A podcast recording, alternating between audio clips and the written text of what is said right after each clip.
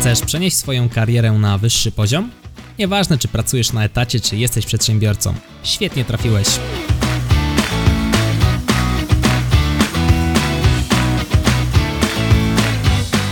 Nazywam się Michał Kowalczyk i witam Cię w Excellent Work Podcast. Rok 2011, kiedy mistrz Formuły pierwszej Robert Kubica ulega wypadkowi. Ulega wypadkowi na tyle poważnemu, że do profesjonalnej jazdy w Formule pierwszej wraca dopiero w 2019 roku. Ale cały czas jego powrót był pod znakiem zapytania. Czy Robert się poddał? Nie, już w 2013 roku, czyli ledwo ponad dwa lata po wypadku, zadebiutował w WRC 2. Jak przez pryzmat tej historii postrzegać zatem słowo porażka? Według słownika języka polskiego porażka to przegrana walka lub rywalizacja albo poważne niepowodzenie. Pytanie, kto decyduje, co jest porażką? Albo ty decydujesz, co jest u ciebie porażką, albo inni decydują za ciebie. I teraz pytanie, którą drogę wybierzemy? Droga pierwsza, w sytuacji, w której to inni mówią nam, co jest porażką, jest o tyle niebezpieczna, że jeżeli zawierzymy się innym, może się okazać, że ich osąd będzie nieprawidłowy.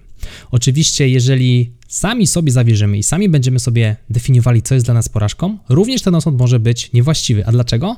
No bo bardzo często z perspektywy czasu okazuje się, że coś, co w danym momencie wydaje nam się porażką, za 5 lat, patrząc wstecz, będzie kamieniem węgielnym rozbudowy na przykład naszej kariery albo większego sukcesu. I teraz w takim razie co zrobić? Jakie niebezpieczeństwa niosą ze sobą porażki?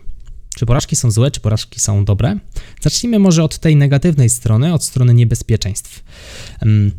Jeżeli odnosisz regularnie porażki albo osądzasz wydarzenia, które się stały jako swoje porażki, może się okazać, że wpadniesz w spiralę porażek. O co chodzi? Załóżmy, że mm, wybierasz się na rozmowy kwalifikacyjne albo po podwyżkę, nieważne.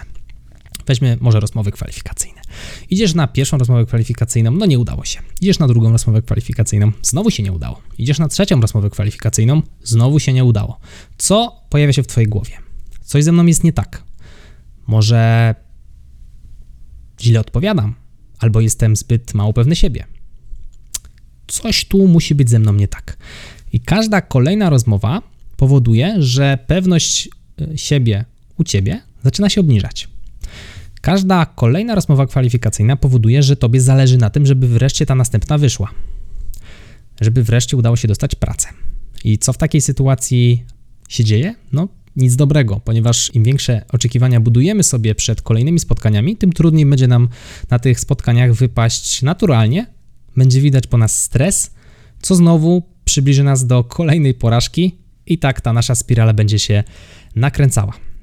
Żeby nie było, że mówię tak w teorii, to zaprezentuję Ci e, przykład z mojego życia.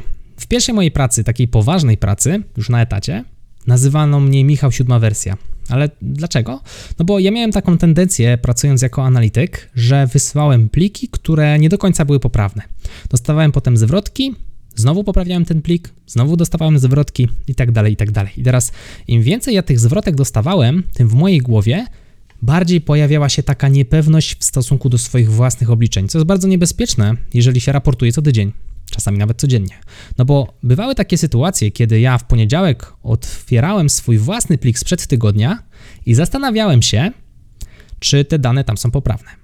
Także zauważ, że w tym momencie zaszła właśnie taka klasyczna spirala porażek, tak? No bo ja się zacząłem y, sam sprawdzać, Bałem się wysyłać pliki dalej, bo bałem się, że, że za chwilę ktoś mi zwróci te pliki, więc ta moja pewność siebie w e, materii obliczeń była niska.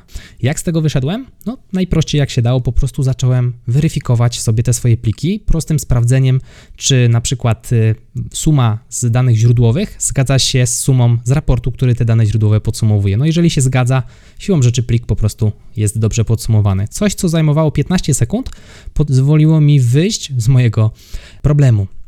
Zastanówmy się teraz, co w takim razie zrobimy, jeżeli w naszej głowie porażka jest czymś pozytywnym. Czy może w ogóle dojść do takiej sytuacji? No, może, jeżeli zakładamy, że dokonujemy kolejnych prób w celu osiągnięcia jakiegoś celu i wiemy, że nie zawsze pierwsza próba się uda, no to każda kolejna porażka cieszy nas, no bo wyciągamy z niej jakieś doświadczenia, nie?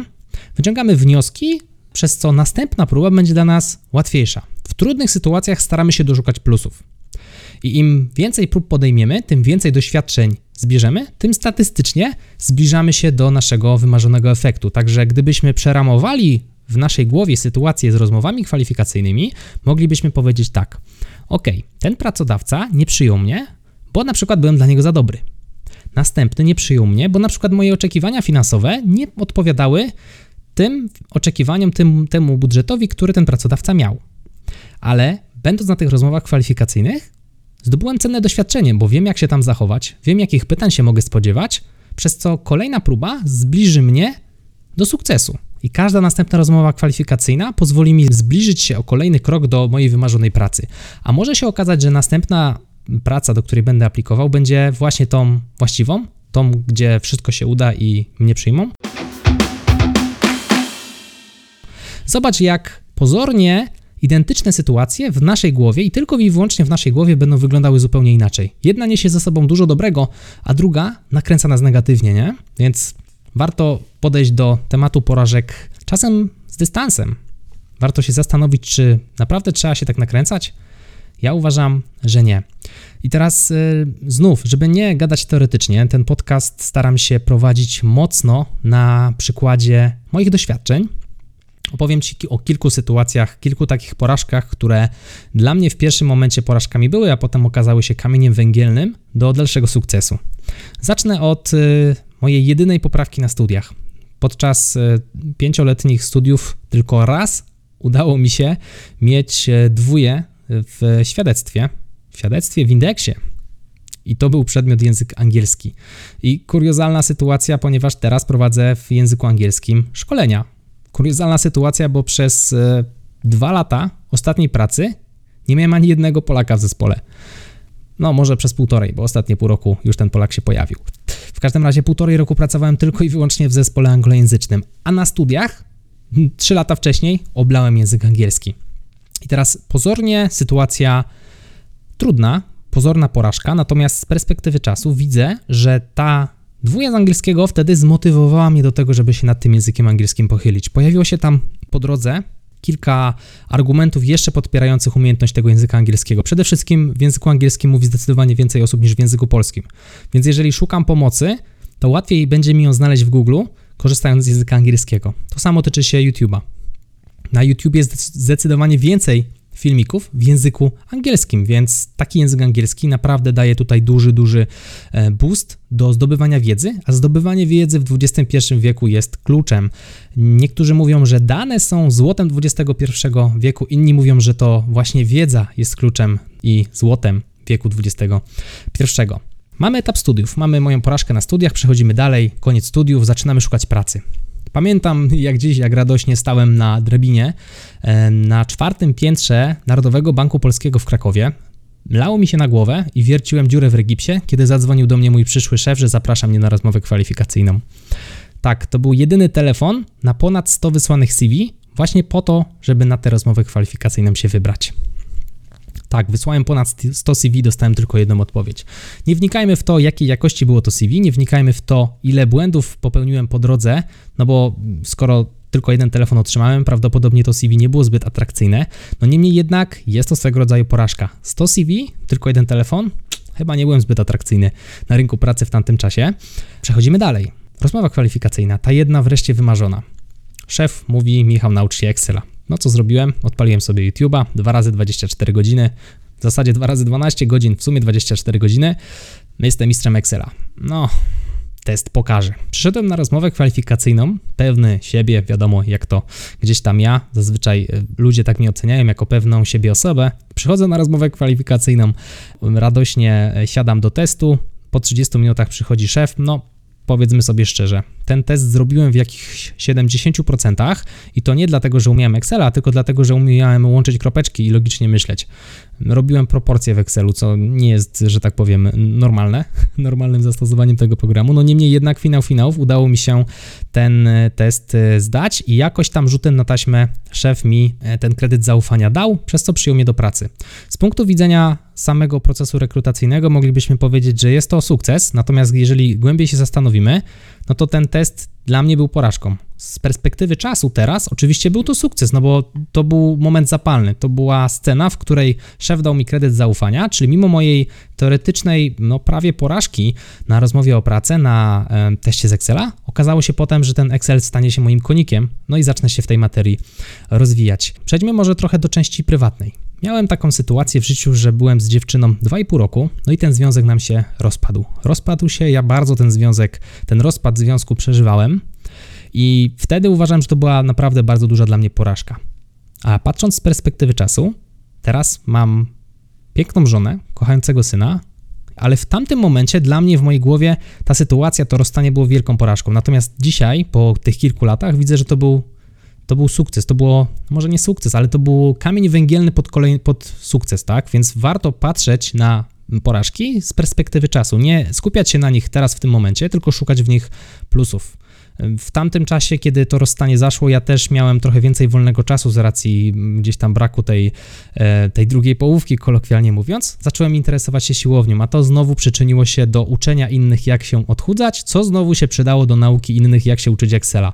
Bo i sam proces edukacyjny ma dużo wspólnego i w Excelu, i w, w dietetyce, więc tutaj e, można byłoby powiedzieć, że znowu niby prosta rzecz jak rozstanie, ale można się tutaj doszukiwać plusów, które przydały się potem w e, kolejnym etapie mojego życia w rozwijaniu swojej firmy.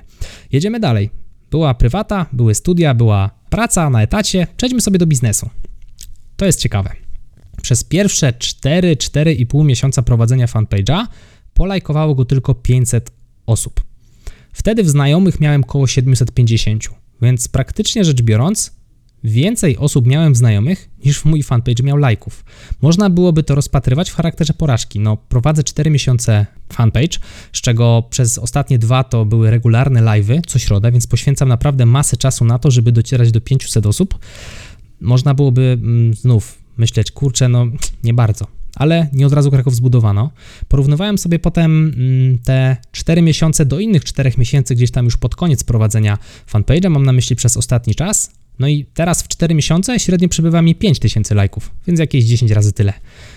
Czego tutaj brakowało? Konsekwencji, czyli znowu pozornie wyglądająca porażka była kamieniem węgielnym, który wystarczyło sobie tutaj odpowiednio osadzić, no i z tego kamienia węgielnego po lekkim oszlifowaniu okazało się, że można zrobić diament. Także nie poddawajmy się, nie patrzmy na porażki z punktu widzenia miejsca, w którym w tym momencie jesteśmy, bo może się okazać, że za kilka lat powiemy, nie no to świetnie, że to mi się to przydarzyło, bo gdyby mi się to nie przydarzyło, gdybym nie zebrał tego doświadczenia wtedy, to teraz popełniłbym jeszcze większą gafę, albo teraz nie byłbym w tym fajnym miejscu, w którym jestem, dzięki tym porażkom, które mnie zbudowały.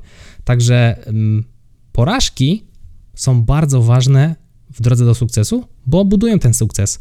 Moim zdaniem każdy sukces jest podparty licznymi porażkami. My bardzo często lubimy patrzeć na osoby, które zarabiają bardzo dużo pieniędzy, które mają świetne efekty, taki na przykład Robert Lewandowski, tak? Powiedzmy gość ułożony, kilka biznesów, dobry kontrakt reklamowy, dobry kontrakt y, z klubem, ale warto byłoby pewnie się zastanowić, jak tam ta jego droga po kolei wyglądała, czy tam nie było jakichś potknięć, bo na pewno jakieś były, ile on miał wyrzeczeń po drodze, więc y, patrzmy sobie też na drogę, nie podziwiajmy tylko efektu, łatwiej jest nam podziwiać efekt, natomiast y, rozważajmy porażki jako y, te klocki, te kolejne kładki, które budują nam most do sukcesu. No i pamiętajmy też, że jeżeli nie robimy nic, to porażki nam nie grożą. Także do dzieła.